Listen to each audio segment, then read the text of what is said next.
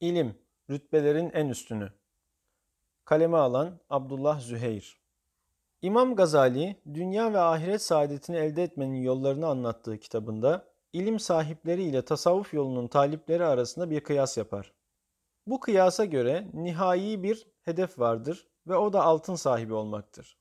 Alim der, tıpkı cebinde nakit bin altını bulunan kimse gibidir. Henüz maksuda erişmemiş olan sofi ise bin altın değerinde kimya ilmi olan bir adam. Niceleri bir damlası binlerce yıllık kayayı bile altına çevirecek o formülün peşinde ömür tüketmiş, bulan olduysa söylememiş fakat çokları o uğurda helak olup gitmiştir. Sen cebinde şıkır şıkır altınları olan o alim gibi ol. Sonra serap görürsün, vehimlerin seni kimya, kimya diye harap eder de şeytanın oyuncağı olursun. Belki de ilim ile sezgi arasındaki tercih meselesi tasavvuf tarihinin en köklü tartışması olabilir. Ancak şurası kesin ki hiçbir zaman bu tartışma günümüzde olduğu kadar ayağa düşmemiştir. Alim her yerde hor görülür, ilim yolunda bütün ömrünü bereketlendirmiş zatların yolunu sürdürdüğünü iddia edenler ilmi yerden yere vurur olmuş. Kimi hadis ilmini küçümser, kimi tefsiri, kimi Arapça gramer tahsilini.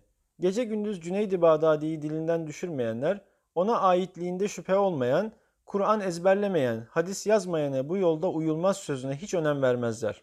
Kitabın ve dinin özü olan apaçık hükümlere, ümmetin ulemasının ittifak ettiği meselelere kendince yorumlar getirmeye cesaret etmek yeni bir moda. Sahi nedir hadis yazmak?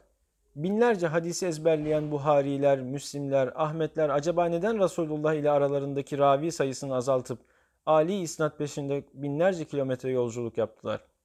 Ümmetin en zahitleri arasında ismi zikredilen Ahmet bin Hanbel, niçin hangi ravinin güvenilir, hangisinin tekinsiz bir adam olduğunu bu kadar araştırmış olabilir?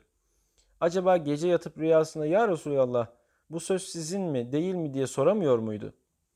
Bugün zühd ve takva yolunu araştıranlar Malik bin Enes'in, Urve bin Zübeyir'in, Süfyan Sevri'nin ilme çalışırken aynı zamanda nasıl bir ibadet profili çizdiğini azıcık olsa araştırsalar hayretlere düşeceklerdir. Peki ilmi birçok konuda farklı iştihatlar ortaya koymuş bu büyük şahsiyetler neyin abdeste mani, neyin mestin şartları olduğu gibi birçok fıkhi meseleyi zuhuratta göremediler mi? Perspektifi değiştirip tarihte nam salmış, hayatları tartışmasız kısımlarıyla bugüne ulaşmış pirlere bakalım mı? Mevlana Celaleddin, fakih, vaiz, mesnevisi baştan başa hadis ve ayet tefsiriyle dolu. Sümbül Sinan, devrinin en büyük ilim merkezi olan İstanbul'un en şaşalı medresesi Sahni Seman'da muid, doçent doktor diyebiliriz belki. Ayasofya vaizi, kürsü şeyhi yani. Aziz Mahmut Hüdayi Kadı, Niyazi Mısri Molla. Örnekleri çoğaltmak o kadar mümkün ki bu zatları herkes tanıdığı için yeterli görüyorum. Büyük büyük laflar etmeye gerek yok. Bir karar vermeliyiz. Ya ilim için at veya deve sırtında binlerce kilometre yol gitmiş, mihnetlere katlanmış ulemanın ince ince yoğurduğu, gergef gibi dokuduğu ilmi birikimin üstüne kurulup küstahlık etmekten vazgeçmeli ya da ben yeni bir yol buldum, yeni din edindim. Benim kurduğum yolun ismi tasavvuf değil, teseffühtür deyip hakikati aşikar etmeliyiz. Zira ilim rütbelerin en üstünü. Allah Teala hepsinden ebediyen razı olsun.